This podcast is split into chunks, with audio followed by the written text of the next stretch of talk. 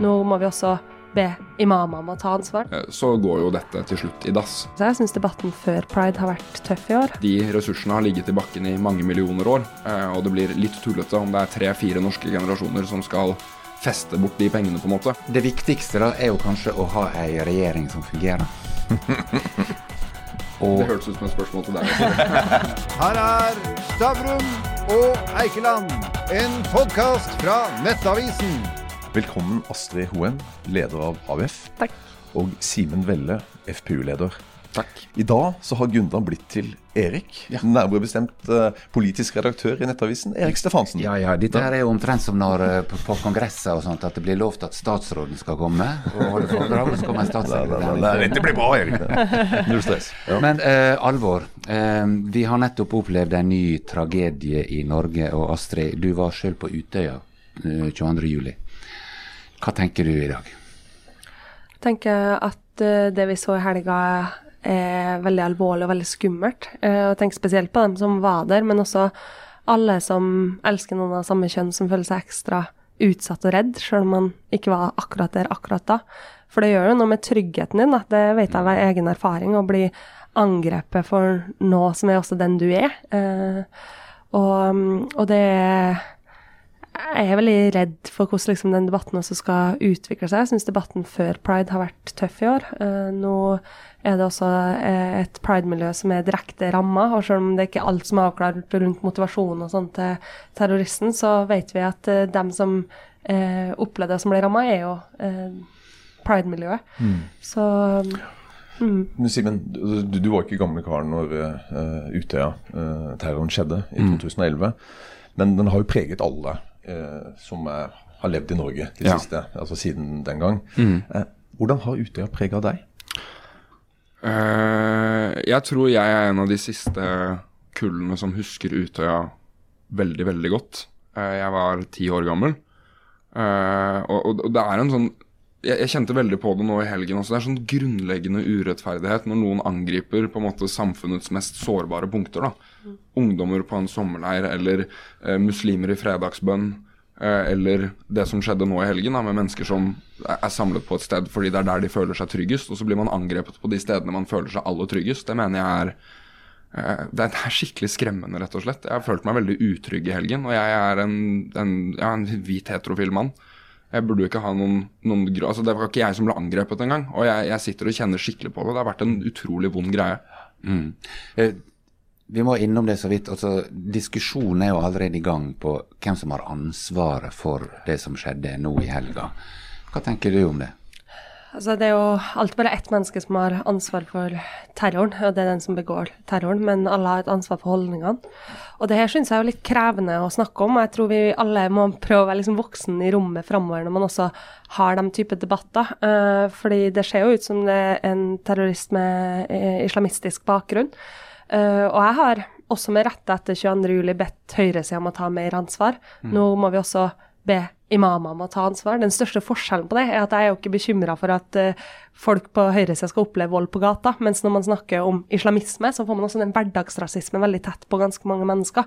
Så det å finne den balansegangen der vi både snakker om det hatet, spesielt eh, mot LHBT-personer, som vi vet finnes i ekstreme eh, muslimske miljøer, som vi vet finnes i høyreekstreme miljøer, det er jo mange beslekta ting med radikaliserte og ekstremister eh, som hater det samme. De hater jo liksom eh, homofile, det er kvinners rettigheter.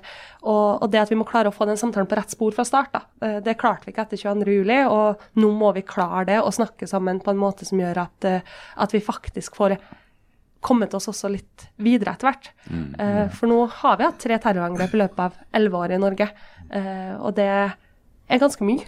Men, men hvordan kan, kan dette skje i Norge? Altså, Alle oppfatter jo Norge som kanskje et av de beste og tryggeste landene å, å, å, å bo i. Altså, mm.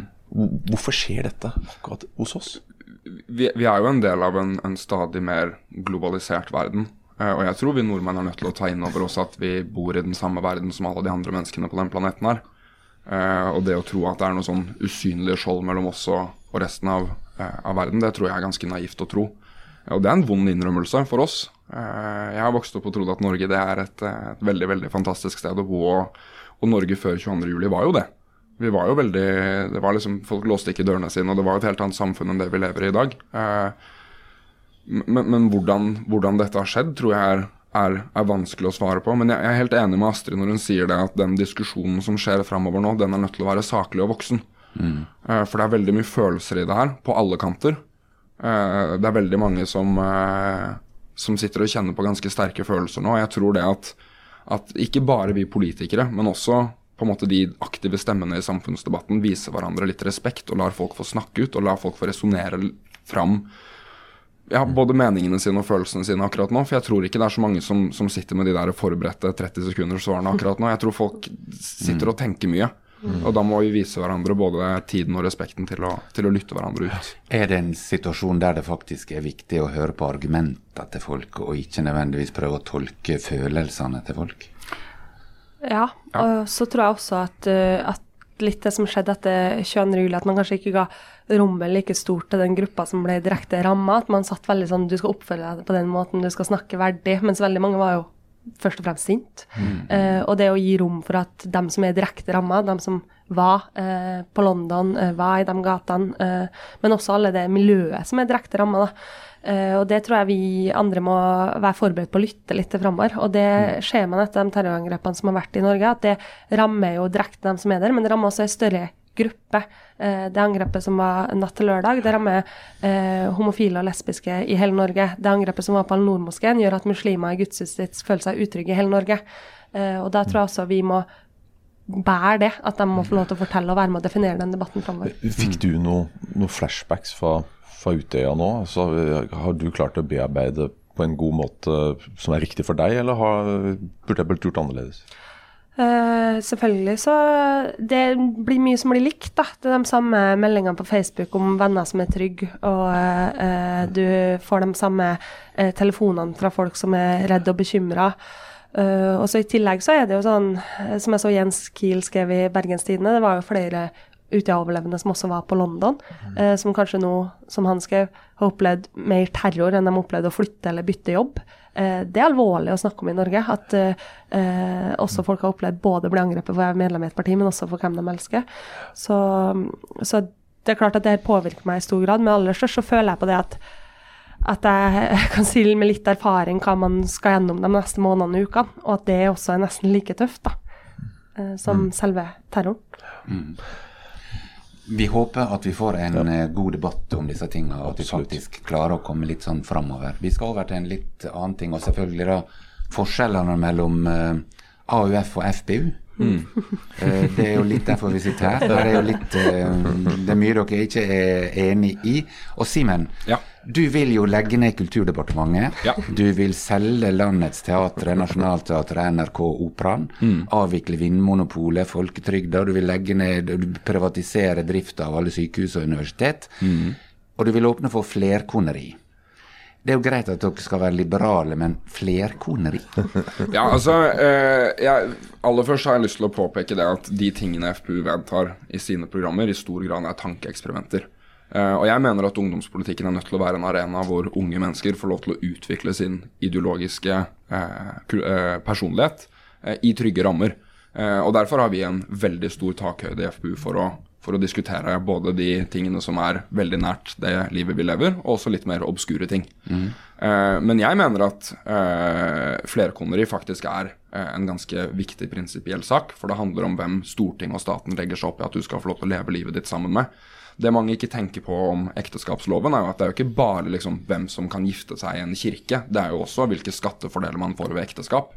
Og jeg mener prinsipielt at staten og Stortinget ikke har noen rolle i, i, i familielivet, da.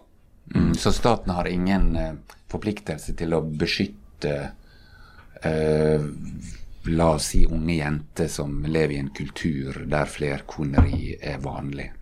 Men negativ sosial kontroll eh, og, og neg altså ukultur, det vil jo være forbudt uansett. Det er jo mange av de tingene som, som skjer i, i, den type miljøer som er eh, eh, forbudt gjennom andre paragrafer i straffeloven.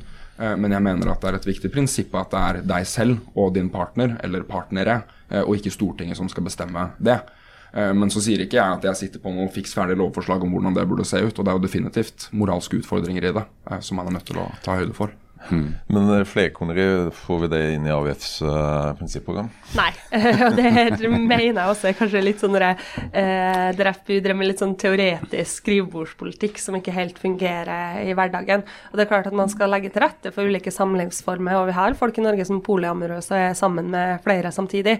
Den store forskjellen når du institusjonaliserer det gjennom ekteskap, er at jeg frykter at det går hardest utover kvinner i miljøer som, som nettopp ikke ønsker det.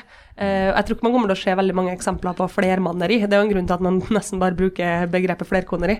Eh, så, så, det er jeg veldig skeptisk til, for jeg tror du ikke ivaretar tryggheten til de damene i de miljøene. Men, men, flere av de tingene som Erik ramset opp her, det er jo prinsipiell uenighet mellom dere to. Ja. Altså det å selge landets teatre, selge NRK, Operaen og, og alt dette her. Mm. Eh, altså, hvorfor vil du det?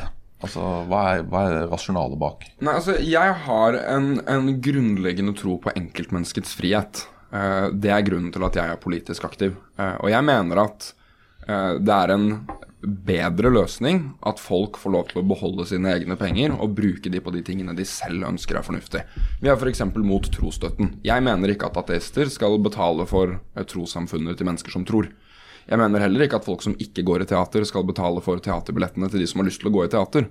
Eh, hvis man fjerner alle disse uh, utgiftene for å si det rett ut, fra, fra, statsbudsjettet, så vil jo også folk kunne sitte igjen med mer av sine egne penger, og dermed ta valg over hva de selv har lyst til å gjøre. Mm. Men, ja, men er, er, du enig i, i, i hans altså det Han hadde en setning om at, at de hadde litt mål i ungdomspartiet med å tenke litt høyt. Også, og, og tørre å, liksom, å si ting som man ikke sier ellers. Er du, er du enig i det prinsippet? Jeg er enig i at det er ungdomspolitikerne sin rolle hele tida også både utvikle ny politikk, men for oss i AUF er det viktig å få gjennomslag for politikken vår òg. Så vi, eh, vi, bruker tida vår på å trekke Arbeiderpartiet rødere og grønnere retning, eh, og, og, har stor takhøyde for de tingene vi diskuterer. Eh, så jeg tror ungdomspartiene har en ekstremt stor rolle for oss å pushe moderpartiene. Mm -hmm. Da skal du få svare på hvorfor skal vi ikke selge Nationaltheatret? Altså jeg mener at det er en av de grunnleggende forslagene på FPU og AUF, da, og måten man ser på frihet eh, på. Jeg mener jo at hvis du legger alt enkelt på enkeltmenneskene på den måten som FPU argumenterer for, så forsvinner mye av friheten da, for alle de ungene som får delta på den kulturelle skolesekken f.eks. For, for første gang. Møte kultur. At det gjør noe med deg som menneske. At det gjør at uh, du også kanskje får utvikla noen interesser som du kanskje ikke hadde muligheten til hjemmefra. Men det å fjerne trosstøtten f.eks. vil uh, bare ende i at man ikke klarer å sørge for at man får den trosfriheten man trenger i Norge. Uh, at du får støtte til å kunne utøve din tro i det gudshuset du vil. og at det er en frihet, da. og det tror jeg var en ganske stor forskjell på oss. At jeg mener at samfunnet også har eh, et ansvar for å legge til rette for at du skal få fri utfoldelse av livet ditt. Og hvis du fjerner teatrene og eh, privatiserer dem, og billetten blir så dyr at du ikke har mulighet til å delta, ja, så trekker du unna en frihet for ganske mange mennesker. Eller hvis du ikke betaler trosstøtte uavhengig av om du tror eller ikke sjøl, så er det veldig mange som ikke kommer til å ha muligheten til å delta i gudshuset sitt i, på bygda et eller annet sted der man ikke har råd til å mm. holde oppe enten moskeen eller kirka. Da. Men, men Simen, um, mm. Norge er jo et av verdens rikeste land. Ja. altså målt i mm. ja, antall mennesker vi er. Uh, og er det ikke nettopp den nordiske modellen, norske modellen, med at staten har spilt en veldig aktiv rolle ikke bare i velferden og, og, og kulturen, men også i næringslivet, mm. som har gjort at vi har det så bra? Hadde vi gjort som Thatcher gjorde på 80-tallet, så hadde vi ikke sittet med alle disse her verdiene. Jeg kan godt si meg enig i at det at øh, i stor grad Arbeiderpartiet øh, styrte Norge da vi fant oljen, tror jeg er en ting som var veldig bra for Norge. Eh, det at vi har skapt et oljefond og at vi har en handlingsregel og de tingene der, det, det er det ikke mitt parti som fikk gjennomslag for. Og jeg som en ung mann som vokser opp i Norge, er veldig glad for at, at det som var fellesskapets ressurser, nå har blitt fellesskapets verdier. Eh, men så mener jeg samtidig at det viktigste for oss politikere er å forvalte de verdiene mest mulig fornuftig og, mest mulig nøkternt. Og med den pengebruken som den norske stat har i dag, og det vet jeg AUF er helt enig med meg så går jo dette til slutt i dass. Det oljefondet kommer jo til å tømmes til slutt. og hele poenget er at det er jo ikke deres generasjon og vår generasjon som skal bruke de pengene, det skal våre oldebarn også gjøre. De ressursene har ligget i bakken i mange millioner år, og det blir litt tullete om det er tre-fire norske generasjoner som skal feste bort de pengene på en måte med, med alskens eh, tiltak. Og jeg tror at eh, den politiske generasjonen jeg og Astrid er en del av, eh, er en generasjon som er nødt til å prioritere mye tøffere. Eh, vi har en eldrebølge som kommer. Eh, vi skal gjennom et grønt skifte, eh, enten man vil eller ikke. og det kommer til å påvirke den norske økonomien i, i veldig stor grad. Og da mener jeg og FPU at det å ha opera, teater, sånne type ting som statlige utgifter er et godt sted å, å starte kuttlisten. Da. Eh, fordi det er viktigere for meg og for FPU at staten prioriterer kjerneoppgavene sine. F.eks. det å ha et sterkt forsvar, det å ha et godt politi. Det å ha et helsevesen som fungerer. Det man ofte ikke nevner når man sier privatisere helsevesenet, er at det er fortsatt staten som skal ta regningen, både for helsevesen og for eldreomsorg. Vi mener bare at disse pengene skal forvaltes mest mulig effektivt. Eh, Og der opplever jeg at FPU er en stor motvekt til mange av de andre, både voksne og ungdomspartiene. Ja. Det var jo egentlig en ganske stor innrømmelse det at hadde, det, hadde Frp sittet ved makta på, på 60- og 70-tallet, så hadde oljeformua vår blitt solgt til høystbydende, til Esso eller Shell eller hvem det nå var. Men Astrid, kanskje vi kan få en liten innrømmelse fra det òg. De offentlige utgiftene suser jo nå av gårde som aldri før. Vi har 2,5 million nordmenn som får penger fra Nav. 700 000 jobber i det offentlige. Og nye arbeidsplasser også domineres av offentlig satsing. Hvor lenge kan dette fortsette? Så jeg mener, For det første så er jeg uenig i dem som sier at vi ikke har råd til velferd, framtidas velferdsstat. Det har vi. Uh, altså Det var ikke sånn at Gerhardsen og gjengen satte seg ned og tenkte at uh, har vi råd til å bygge den velferdsstaten? Jo, de bygger den, og så skaffer man seg råd til det. Og det perspektivmeldinga ofte sier, er jo flere ting. Du kan enten kutte deg inn i framtida, det er jeg uenig i, eller du kan gjøre noe med skattene som du også trenger for å få ned ulikheten i samfunnet vårt. Og så er det en del ting vi må gjøre for å få folk inn i arbeidslivet. Jeg er veldig opptatt av at folk skal ha en jobb å gå til. Og der tror jeg mennesker er veldig ulike. De aller fleste klarer å stå i en jobb som, eh, som krever at du er til stede hver dag, som krever at du klokker inn timene eh, og er på jobb. Men veldig mange som er i Nav-systemet i dag, ønsker å være i jobb, men møte et arbeidsliv som ikke er tilrettelagt for dem. Fordi du har ulike typer utfordringer. Eh, fordi at du kanskje ikke har muligheten til å stå like lenge eh, i jobb, f.eks. Og der må vi ha et Nav som også eh, møter de enkeltmenneskene, og ikke bare eh, som et system eller som et Excel-skjema. Du er inn i den Excel-ruta, så da skal du ha de her type ordningene. Og der har jo vi f.eks. foreslått et helt eget Nav Ung, eh, for jeg tror spesielt unge som havner Utenfor arbeidsliv, utenfor utdanning, vet vi at det har en tendens til at det griper seg fast, og at det er vanskelig å komme seg ut av.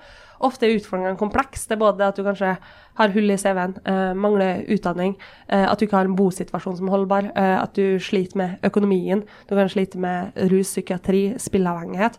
Og da er vi nødt til å ha eh, et eget, eh, en egen ungdomssatsing som klarer å se alle de komplekse problemene samtidig, og der du ikke kommer, og så er det liksom først må du få hjelp med det, og så med det. For jeg tror du må se hele mennesker som de er, da. Men vi ser jo også blant unge at uh, antallet uføretrygdede er stigende. Eh, totalt sett også, men også blant unge, og særlig blant unge gutter eh, er det dominerende. Hva, hva kan man gjøre? Nå, det første man må gjøre, er at man må starte med forebygginga. Eh, Sørge for at folk klarer å fullføre videregående. Eh, vi vet at i framtida så er det dem som har fullført videregående, og også i dag, som i aller største grad kanskje ikke kommer seg inn i arbeidslivet. Eh, vi er nødt til å sørge for at de guttene som syns eh, skolehverdagen er krevende fordi at det er mye stillesitting, også får en mulighet til å oppleve at de mestrer skolehverdagen. Og Det tror jeg ikke helt vi har, det har vi prøvd ulike måter på, men vi har ikke helt fått det til. Og jeg tror at vi har teoretisert skolen i altfor stor grad. At den passer for en gruppe elever som ikke er alle. Eh, at man må kunne velge mer av skolehverdagen sin, at man kan velge valgfag, at man kan få mer teori enn tidligere. Og så mener jeg også at det er en god idé med den Nav-ungen som ser på dem. Hele mennesket. Simen? Ja, øh, jeg, er enig i mye av, av problembeskrivelsen til Astrid. Og jeg tror også at, at den norske skolen har blitt veldig firkantet. Eh, I FBU kaller vi den enten en kjøttkvern eller en A4-skole. Alle blir liksom presset inn i den samme skolehverdagen og den samme læreplanen. Eh, og Det er jo mye av grunnen til at vi f.eks. er veldig positive til fritt skolevalg. Eh, Hvor man igjen, det er staten som betaler for skoleplassene, men det er elevene som får lov til å bestemme hvilken skole de skal gå på. Eh, Og dette kombinert med en satsing på de ideelle aktørene også i skolemarkedet, eh, og for så vidt også privatskolene, vil jo ende opp med at man får et mye større mangfold av utdanningstilbud. Og jeg var en av de guttene som sleit med å sitte stille i, i mattetimene. Jeg har aldri vært spesielt god i matte. Eh, Men jeg skjønte jo eh, etter jeg var ferdig på skolen at det var jo ikke læring jeg hadde et problem med. Det var på en måte skolens innfatning. Det var måten jeg skulle lære på jeg hadde et problem med. Jeg har alltid vært veldig kunnskapstørst, eh, men den norske skolen den passet rett og slett ikke for meg. Og Derfor tror jeg at det å, å, å sikre et mangfold av tilbud som gjør at elevene faktisk finner en, en utdanning som passer dem, er viktig. Og så mener jeg samtidig at det viktigste sosialtiltaket man kan gi et menneske, eller de aller fleste mennesker i hvert fall, det er en, en, en trygg jobb. Eh, Og jeg tror den, den jobben vi eh, vår generasjon med politikere har med å sørge for at folk på en måte fortsetter å ha arbeidsplasser også etter at vi er ferdig med, eh, med å utfase oljen, det, det, tror jeg blir vår, vår aller viktigste oppgave. Mm. Uh, ja. ja. Men det viktigste da er jo kanskje å ha ei regjering som fungerer. og, det hørtes ut som et spørsmål til deg. ja, altså nå eh, Hvis du ser på Pols of Pols nå i juni, så nærmer Arbeiderpartiet seg 20 ned fra over 26 på stortingsvalget. Senterpartiet nærmer seg sperregrensa, de er nå ned på 7,4 fra 13,5. Det er ganske mange som har påpekt uh, at vi har en svak statsminister med en litt for sterk Senterpartileder i regjering. Hva tenker du om det? Det er jeg uenig i. Eh, jeg mener at eh, Jonas Gahr Støre er en statsmann av, av, som vi er heldige til å ha som statsminister. Og jeg tror at i de mange krisene vi nå står i, da, som er krevende. Og det være krevende uavhengig av hvem som hadde styrt landet. Uh, så jeg er glad for at det er Arbeiderpartiet som styrer de krisene, fordi at da vet man hele tida også hvem man prioriterer og hvem man ikke prioriterer. Uh, og, så, er det klart at jeg skulle gjerne gjort det bedre på målingene enn vi gjør det akkurat i dag, men valget var tydelig. Over 100 rød-grønne mandater. man ønsker jo et skifte for landet, og det skiftet tar også litt tid å komme i gang med. Men er litt av problemet at Senterpartiet sitter i regjering med Ap, og så er det så avhengig av SV? Og Senterpartiet og SV er jo relativt langt fra hverandre på, på mye. Og at uh, Jonas blir løpende igjen imellom, og så blir det bare tull. Det blir ikke noen sånn klar uh, vei å gå. Altså, det er ingen hemmelighet at jeg gjerne skulle hatt med SV i regjering. Det har jeg vært tydelig på uh, flere ganger. Og jeg har også et håp om at SV kommer inn i regjering etter hvert. Eh, men, eh, men, jeg er glad for at man har liksom et styringsdyktig flertall. Da. hvis man ser bare til Sverige f.eks., der står Sosialdemokratene i en helt annen situasjon, der man må, ikke har et flertall alltid bak seg i, i, Stortinget. Det tror jeg er mer krevende. Og jeg tror det er for styringsdyktigheten sin del viktig at man har det budsjettflertallet man har. Men er du da også en av de få i arbeiderbevegelsen som mener at Støre har håndtert Kristiansand riktig? altså, Kristiansand, ja. Nei, det, det, er jo en krevende sak. Nå merker jeg sånn Herregud, nå ble jeg nesten voksenpolitiker. Ja, det er krevende. Og jeg kan ikke så mye om det, hvis jeg skal være helt ærlig. okay. Simen, hva du eh, tenker om eh, regjeringa? Nei, altså eh, Jeg har forståelse for at, uh, for at mange rundt omkring i det norske land sitter og, og, og kanskje føler at, at, regjeringen er litt handlingslammet. Men, uh, men, jeg har lyst til å gi, uh, gi Astrid det at de, de, har ikke sittet så utrolig, utrolig lenge. Nå, nå, skal jo jeg ærlig skryte av det at vi fjernet arveavgiften i, i, vårt første reviderte statsbudsjett. Og, og, det er ikke alltid endringer tar tid, men, men så har jo den nye regjeringen møtt krise på krise på krise på krise omtrent siden dag én. Jeg tror ikke eh, justisministeren hadde vært justisminister i mange timene når, når, dette på Kongsberg skjedde. Det var ikke mange dagene ute i regjeringsperioden når, når krisene begynte. Eh, og så skal ikke jeg stå her og fullrose regjeringen for at de har gjort alt riktig. Det mener jeg ikke at de har gjort. Eh, men jeg mener samtidig at, eh, at flere, Hvis man ser på flere av disse lanseringene regjeringen har hatt nå de siste ukene, hvor de kommer med sine egne saker, sånn som denne ekstremismekommisjonen, den er jeg veldig positiv til det er jo prosjekter som tar tid å utforme. Uh, så jeg tror, jeg tror, ikke man skal dømme regjeringen og si dette fikk ikke Jonas Gahr Støre til. Uh, men så kan jeg være ærlig og si at jeg skulle ønske de hadde fått til mer før.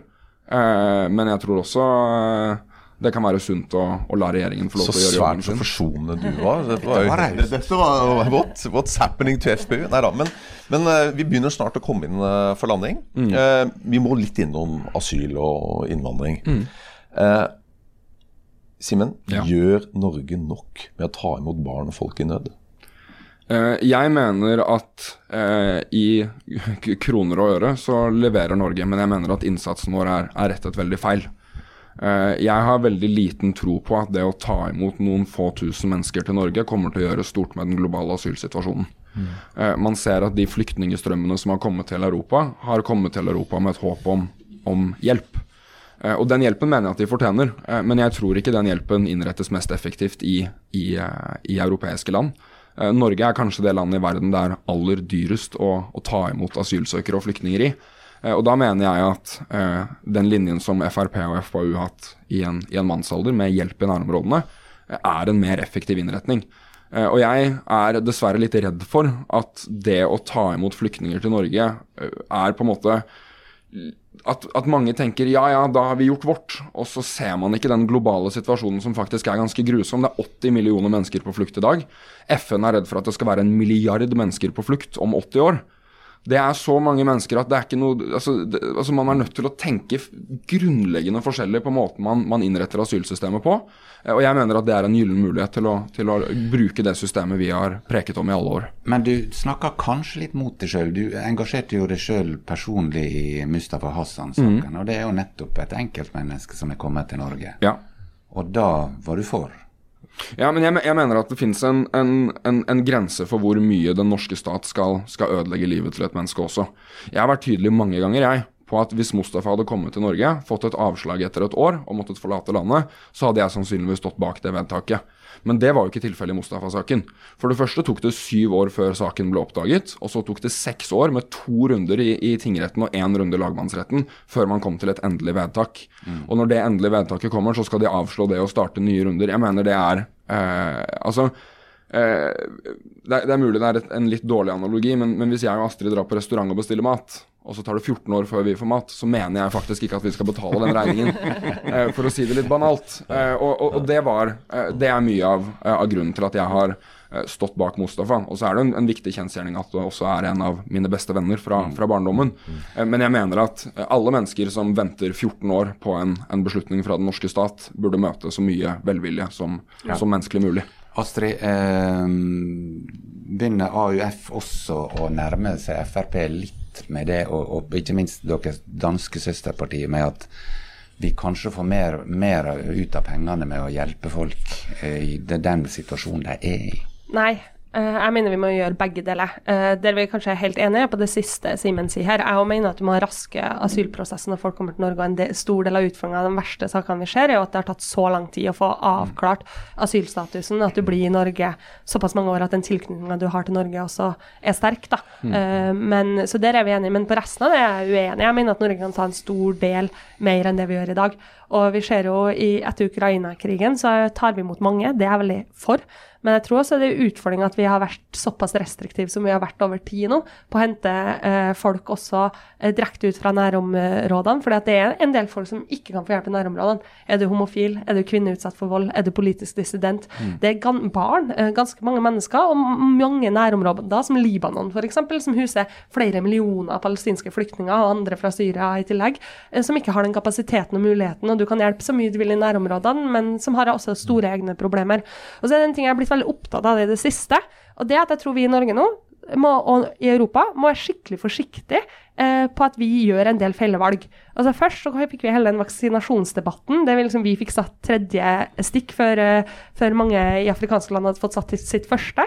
Nå ser vi at land etter land i Europa, også Norge, som har vært svært kritiske, kutter i bistandsbudsjettene. Og vi kutter også i hvor mange vi henter eh, fra andre land utenfor eh, Vesten og Europa.